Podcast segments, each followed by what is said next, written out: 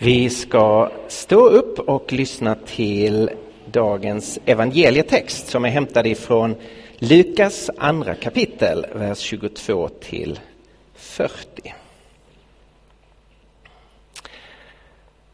När tiden var inne för deras rening enligt Mose lag tog de honom till Jerusalem för att bära fram honom inför Herren.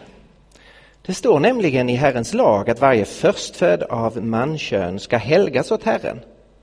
Och för att offra två turturduvor eller två unga duvor så som det är föreskrivet i Herrens lag.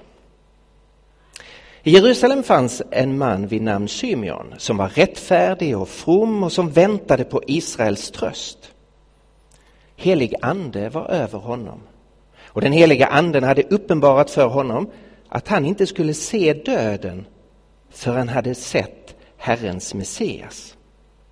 Ledd av anden gick han till templet och när föräldrarna kom in med barnet Jesus för att göra med honom som det är sed enligt lagen tog han honom i famnen och prisade Gud och sa Herre, nu låter du din tjänare gå hem i fred som du har lovat. Ty mina ögon har skådat frälsningen som du har berättat åt alla folk, ett ljus med uppenbarelse åt hedningarna och härlighet åt ditt folk Israel.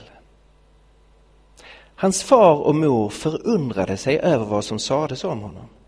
Och Symeon välsignade dem och sa till hans mor Maria detta barn ska bli till fall eller upprättelse för många i Israel och till ett tecken som väcker strid. Ja, också genom din egen själ ska det gå ett svärd för att mångas innersta tankar skall komma i dagen. Där fanns också en kvinna med profetisk gåva, Hanna, Fanuels dotter av Aschers stam. Hon var till åren kommen. Som ung hade hon varit gift i sju år, sedan hade hon levt som änka och var nu 84 år gammal. Hon vek aldrig från templet utan tjänade Gud dag och natt med fasta och bön. Just i den stunden kom hon fram och hon tackade och prisade Gud och talade om barnet för alla som väntade på Jerusalems befrielse. När de hade fullgjort allt som var föreskrivet i Herrens lag återvände de till sin hemstad Nasaret i Galileen. Pojken växte och fylldes av styrka och vishet och Guds välbehag var med honom. Så lyder det heliga evangeliet. Lovad vare du Kristus. Herre, nu ber vi dig att du ska tala till oss genom ditt ord, glädja oss genom ditt ord. Öppna vårt hjärta och vår tanke och vår vilja för dig. I Jesu namn ber jag. Amen.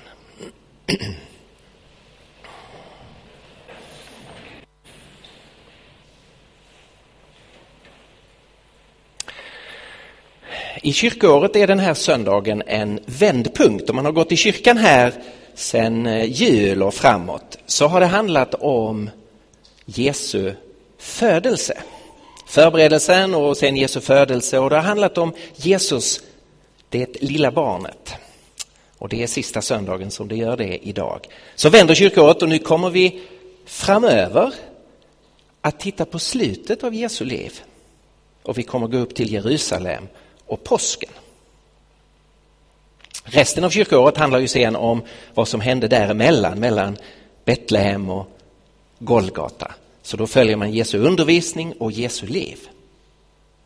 Varför i all sin dag är den kristna kyrkan så upptagen av den här personens liv i alla dess delar, hans födelse, som vi ska titta på idag och det som följde precis efter. Och hans liv och undervisning och sen hans död och det som hände därefter.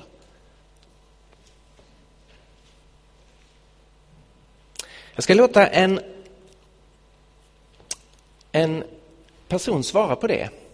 Josephine Butler är en av feminismens stora hjältar. Hon var social reformator i 1800-talets England och stod upp mot eh, förtrycket mot kvinnor. I ett berömt tal som Josephine Butler höll i Cambridge 1879 så utmanade hon hyckleriet, dubbelmoralen bland, eh, bland männen. Hon står inför en grupp manliga studenter som inte vill erkänna mannens och kvinnans lika värde och rättigheter. Och då säger hon så här. Det finns genom historien ett undantag till den här orättvisan som männen representerar. Det finns genom historien ett markant undantag och så, så vitt jag vet endast ett. Och det är Kristus. I evangeliets berättelse om Jesus från Nasaret hade hon mött något fullständigt unikt också på den här punkten. Hur man ska se på män och kvinnor och hur Jesus bejakade kvinnor som var föraktade och sidosatta i sin kultur precis som det som Josephine Butler kunde se i 1800-talets England. Och det är precis det här som gör att vi i församlingen varje söndag vi möts vill fokusera på den här gestalten. Därför att han sticker ut så fullständigt. Genom hela historien finns det ett markant undantag. Och bara ett. Och det är Jesus Kristus. Och det är också vad den här texten handlar om. Bakgrunden till eh, händelsen i templet som vi precis har läst om. Det är de eh, initiationsriter som finns i Gamla Testamentet. Alla kulturer och alla folk har ju riter för att markera detta att man har tagit emot ett nytt barn. En ny människa har kommit in i världen och man markerar det på olika sätt. Det här var en viktig sak i Israel. Gamla testamentet går igenom flera olika riter. Om det var en pojke så omskars pojken på åttonde dagen. Det har Lukas precis berättat om. Eh, Jesus har blivit omskuren. Sen följde det efter 40 dagar efter födelsen en reningsrit Eh, då man gick till templet eh, för att renas. I det gamla Israel så fanns det många lagar om kultisk renhet. Och då kultisk orenhet. Det handlade inte om synd och skuld och att vara separerad från Gud utan det var markeringar av att man skulle närma sig Gud så måste det vara väldigt speciella förutsättningar som gällde. Och då fanns det reningar för män och för kvinnor, för präster och för lekfolk. Olika sätt att markera att nu närmar man sig det högheliga. Och det fanns reningsriter i samband med förlossningar. Efter 40 dagar skulle man gå fram i templet. Om man hade fött en son och det var en förstfödd son så skulle den förstfödde sonen också helgas åt Herren, överlämnas på ett speciellt sätt åt Herren, vigas åt Herren. Och det är det här som det oansenliga, i samtiden helt oansenliga paret Josef och Maria gör. Jesus är omskuren, nu ska de gå upp till templet för sin rening och så ska det lilla barnet helgas åt Herren. Och det är då som någonting helt oväntat händer. Maria och Josef har ju fått reda på av ängeln och i drömmar att barnet som de har fött är Guds son är den utlovade Messias. Och nu kommer de till templet i Guds stad. Men det är inte översteprästen som välkomnar dem och igenkänner dem. Det är inte prästerskapet, det är inte ledarna i Jerusalem. Och det här är ju väldigt ofta på det sättet att etablissemangen missar det som är det riktigt viktiga. Istället är det två andra i samtiden obetydliga personer, två till åren komna, en gammal man och en gammal kvinna som Josef och Maria inte känner, inte vet vilka är, som känner igen att det är något speciellt med barnet de kommer med.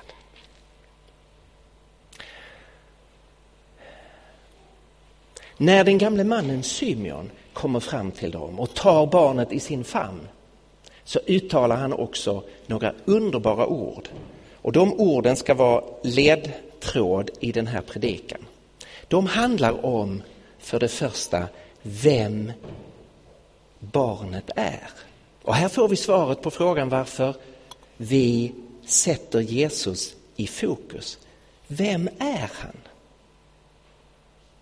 Vem är barnet som Josef och Maria kommer med till templet? Vem är han?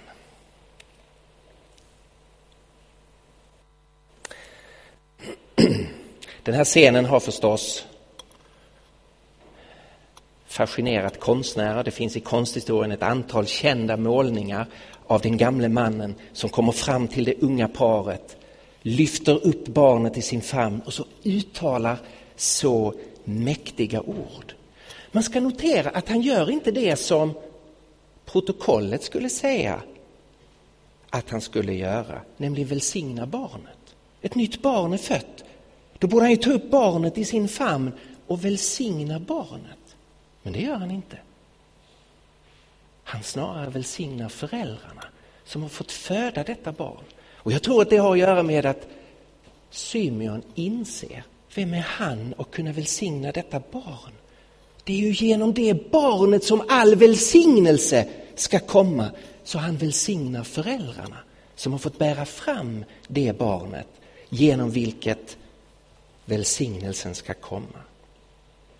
När han uttalar sina ord så förundras Josef och Maria över vad som sades om barnet. Tänk på det här, om man läser vad ängeln säger till Maria. Hur i all sin dag kan hon fortsätta att förundras? Det barnet du ska föda ska kallas den högste son. Han ska sitta på Davids tron. Han ska upprätta ett evigt välde. Men nu säger Simeon någonting som faktiskt går utöver till och med vad ängeln Gabriel hade sagt. Så att Josef och Maria som har haft tid på sig att fundera på detta löftet som eh, Gabriel hade gett dem, de förvånas nu ytterligare. Vad är det Simeon säger? Han tar upp barnet och säger, ögon har skådat frälsningen. Nu har frälsningen kommit, det som profeterna har talat om och som folket i Israel har längtat efter. Ja, nu har det kommit som människor genom hela historien har längtat till. Om man, om man studerar människans historia och människans kultur så ser vi att längtan efter frälsning, räddning undan de krafter som ödelägger våra liv går igenom alla kulturer. I Indien, i den hinduiska kulturen, så längtar man efter befrielse från karmalagen som binder fast oss, från kretsloppet att ständigt återfödas in i en värld som bara är full av lidande och död. Och så söker man efter befrielsen. I alla folk har man ju sökt efter befrielsen från ondskan och från döden. Var finns det räddning för oss människor? I Vår kultur så är ju längtan efter räddning ju lika stark. Det är bara det att vi har gett upp om att det finns en räddning. Och vi fyller våra liv till bristningsgränsen så länge detta trasiga liv finns. För vi har slutat tro på en räddning. Men skrapa lite under ytan på moderna svenskar och det finns ju en längtan efter räddning från det som ödelägger vårt liv. Och nu står Symeon med ett barn i sin famn och säger nu har jag sett frälsningen. Han säger, nu har ljuset kommit in i den här världen där vi famlar i mörker, där mörkret hela tiden vinner. Och så kommer det som gör att Josef och Maria förvånas. De här två första sakerna stämmer med vad ängeln Gabriel har sagt. Han ska heta Jesus, han ska bli frälsare. Han kommer med ljus åt sitt folk. Men nu säger Symeon att detta är för alla folk. Inte bara för det judiska folket, inte bara för ättlingarna av Abraham, utan det är för alla folk. Genom detta folk, genom detta barn ska alla folk erbjudas frälsning och ljus. Så det ska bli en uppenbarelse åt hedningarna. Äntligen ska folken utanför Israel få det avslöjat för sig vem Gud är och vad Gud vill. Och detta ska leda till en härlighet åt Israel. Nu ska man börja fullt ut förstå det här märkliga, detta lilla folk, detta oansenliga folk, detta märkliga saker de har hållit på med, offren i templet och reningsriterna. Och nu ska man få se fullheten, att detta är vad Gud har förberett för att Messias nu ska födas där.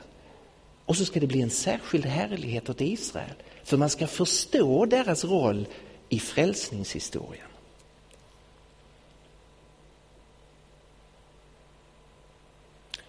Undrar vad de tänkte som stod runt omkring i templet. Här står en gammal man med ett litet barn och så uttalar han så här oerhört starka ord. Nu har frälsningen, nu har ljuset, nu har det som är avgörande för hela mänskligheten har kommit. Men i detta barn. Här är inkarnationens hemlighet. Gud själv stiger in i vårt släkte för att inifrån vårt släkte vinna oss tillbaka till sig själv.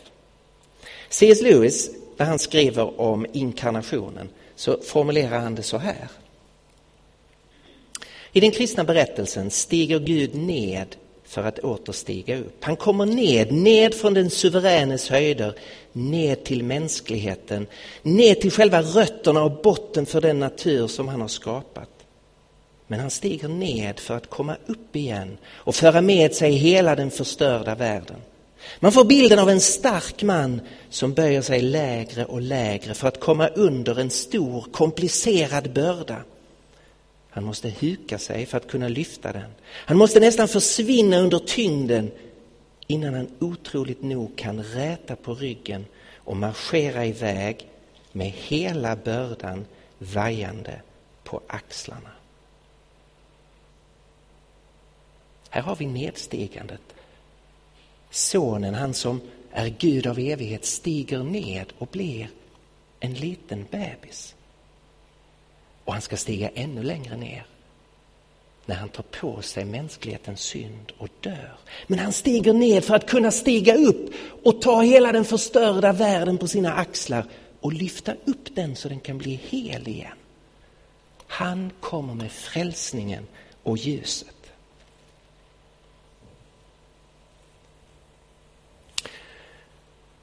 Men så fortsätter Symeon. Han har sagt de här fantastiska sakerna. Och så säger han, detta är inte att överföras automatiskt på varje individ. Det finns ingen kollektivanslutning. Det finns inget automatiskt i det här att Jesus går in i den här rollen, att vi då blir hjälpta av det. Utan Symeon säger, detta barn är ett tecken från Gud som kommer att väcka strid. Han kommer inte bara att vara till upprättelse utan han kommer att vara till fall och till upprättelse. Han ställs fram som en antingen som en hörnsten eller som en stötesten för att ta ett annat bibliskt ordval. Nu måste man ta ställning till det här barnet. Upprättelsen finns bara hos honom och om man avvisar honom så blir det till ens fall. Han kommer att vara det eh, lackmuspapper som avslöjar allas inres surhetsgrad. Han kommer att stå fram i historiens mitt och allt kommer att delas utifrån honom. Utifrån honom kommer våra innersta tankar i dagen. Han säger också, Symeon, någonting personligt till Maria. Genom ditt hjärta kommer det att gå som ett svärd. Därför att hon kommer ju att få se sin egen son bli föraktad, övergiven av människor och dödad. Men han säger också till alla oss att Jesus är ett tecken som väcker strid.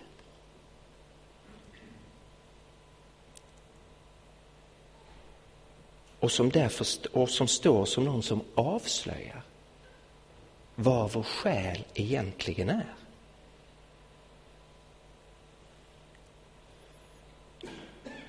Man skulle kunna säga att det är bekymmersamt att det inte är mer strid om Jesus i vår kultur. Jag undrar om det inte beror på att vi har försökt göra om Jesus till ett ofarligt föredöme, inte till det tecken som väcker strid. Men om man närmar sig Jesus och börjar förstå vad Symeon säger om honom och vad han själv sen säger om sig själv, så märker man att ju närmare honom man kommer, att han är som en korsväg. Alltså man måste ta ställning. Det blir för eller emot. Det blir antingen eller.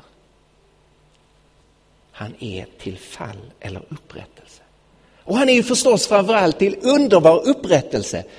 Därför att den som tar emot honom får del av frälsningen och ljuset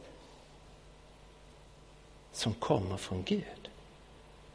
Så det är enorma anspråk som Nya Testamentet har kring Jesus och som Symeon formulerar på sitt sätt. Varför ska vi tro att det är så här? Varför ska vi ta till oss ett så radikalt budskap om Jesus som det unika tecknet som väcker strid, som allting står kring? Varför ska vi tro på det?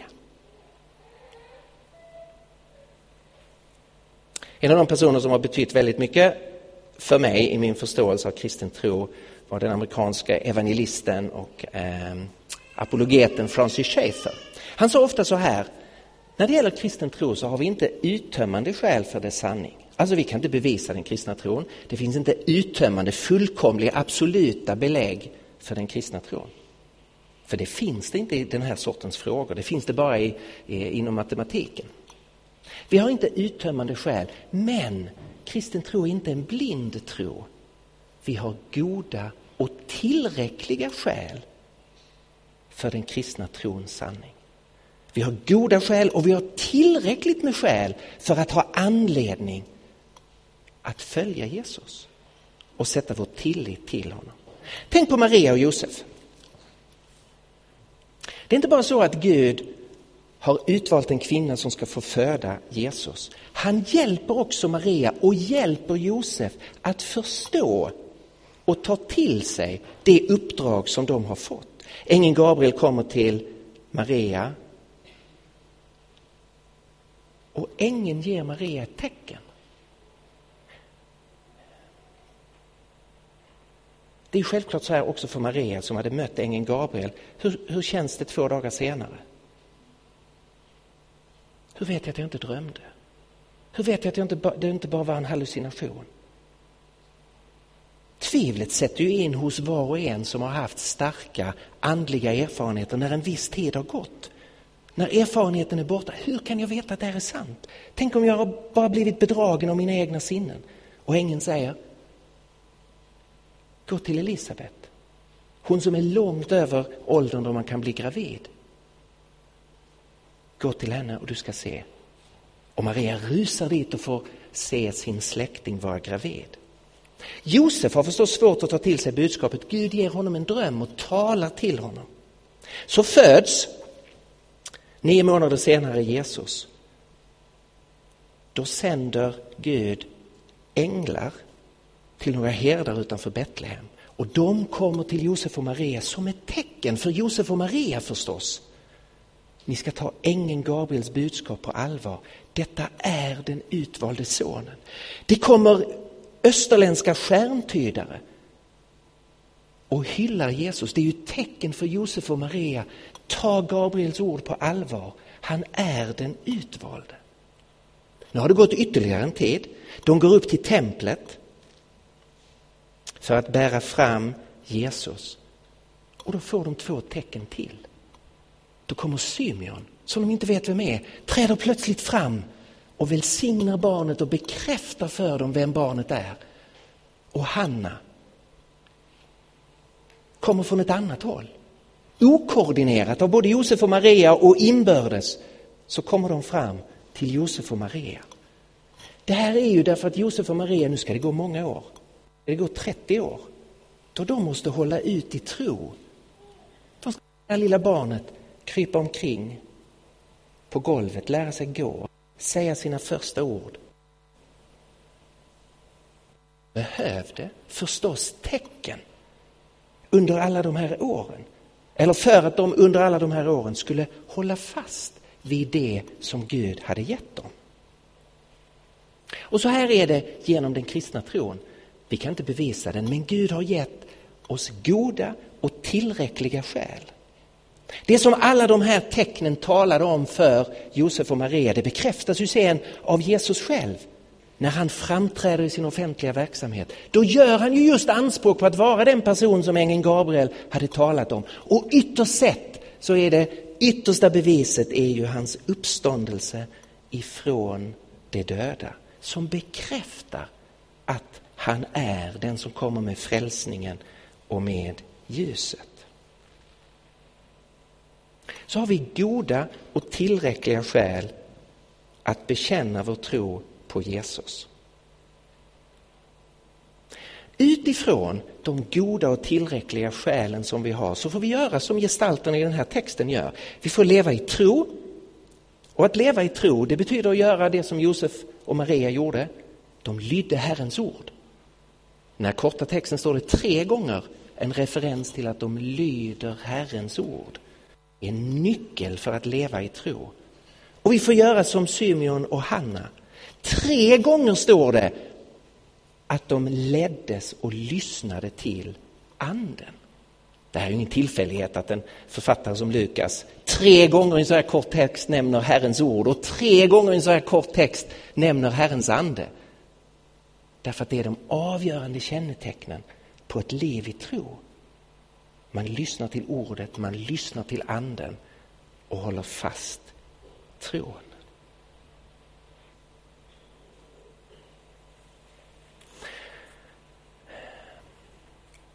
Vem är han? Han är frälsningen som Gud har sänt in i världen. Han är ljuset. Varför ska vi tro på det? Därför att det finns så många tecken som pekar i samma riktning. Så vi har goda och tillräckliga skäl. Men vad innebär det konkret för oss? Symeons lovsång börjar i den latinska översättningen med orden nunc dimittis. Och det har blivit själva benämningen på hans lovsång. För den som är, är hemma i kyrkans tidebön så är det ju en del av aftonbönen som man genom kyrkans historia har läst.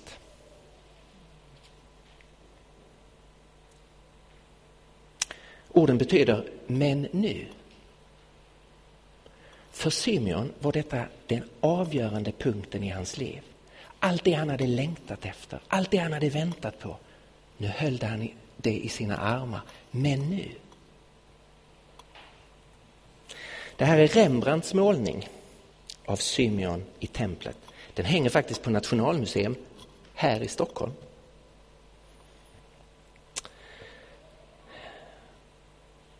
Om man tittar på den målningen så får man väl intrycket av att Rembrandt målar Symeon nästan som blind. Som om hans fysiska ögon inte är framför allt det eh, som han ser med, så att säga. Han är en gammal eh, man.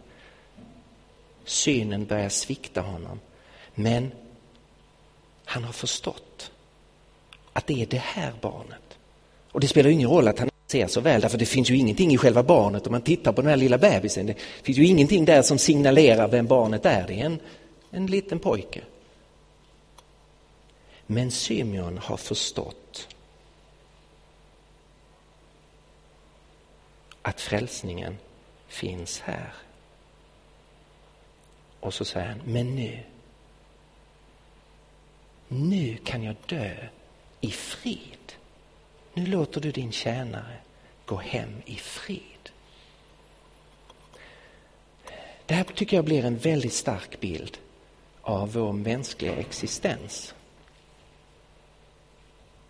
Vi tänker vad vi, vad vi försöker hålla i våra händer, vad vi försöker famna. Så är vi ju så var och en. Att det finns så mycket som vi tänker, åh, om jag kunde få omfamna det. Man kan tänka på en relation. Man kan tänka på ett yrke, en karriär. Man kan tänka på pengar. Man kan tänka på ett nytt hus eller en ny bil. Och vi vet alla hur vi har en tendens att knyta våra förhoppningar till Tänk om jag fick hålla detta i min famn. Den bakomliggande frågan måste ju alltid vara, skulle man kunna säga som Symeon, om jag verkligen fick det, nu har jag fått fred så att jag kan leva och så att jag kan dö. Nu, äntligen, har jag funnit den djupaste freden. Och vi vet ju var och en att så är det inte. Också den mest fantastiska relationen är en relation till en bruten, söndrig, självisk människa. Också den största rikedom, också den finaste bil slutar 15 år senare som en rosthög som man inte vill kännas vid längre. Trillar isär i våra händer. Vi får inte friden som gör att vi kan känna nu, det jag kan leva för och det jag kan dö för.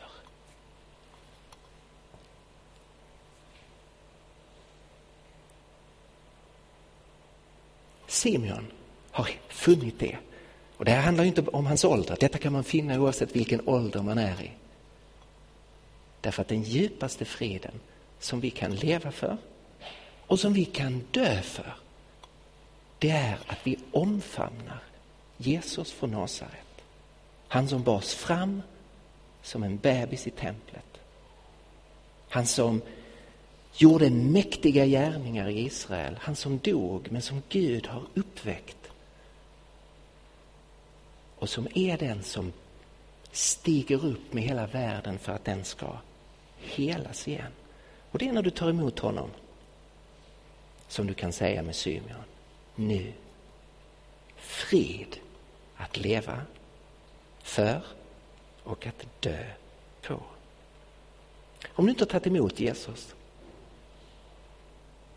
så är den här gudstjänsten en inbjudan att göra det. Att ta honom i din famn så att säga. Och i verkligheten är det han som kommer att omfamna dig med sin nåd. Och du som har tagit emot honom, den här är en gudstjänst när du får bekräfta din tillhörighet till Jesus. Herre Jesus, vi tackar dig för att du har stigit ned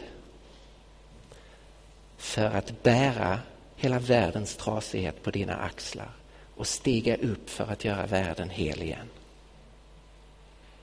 Vi tackar dig för att du har kommit med frälsning och ljus för alla folk.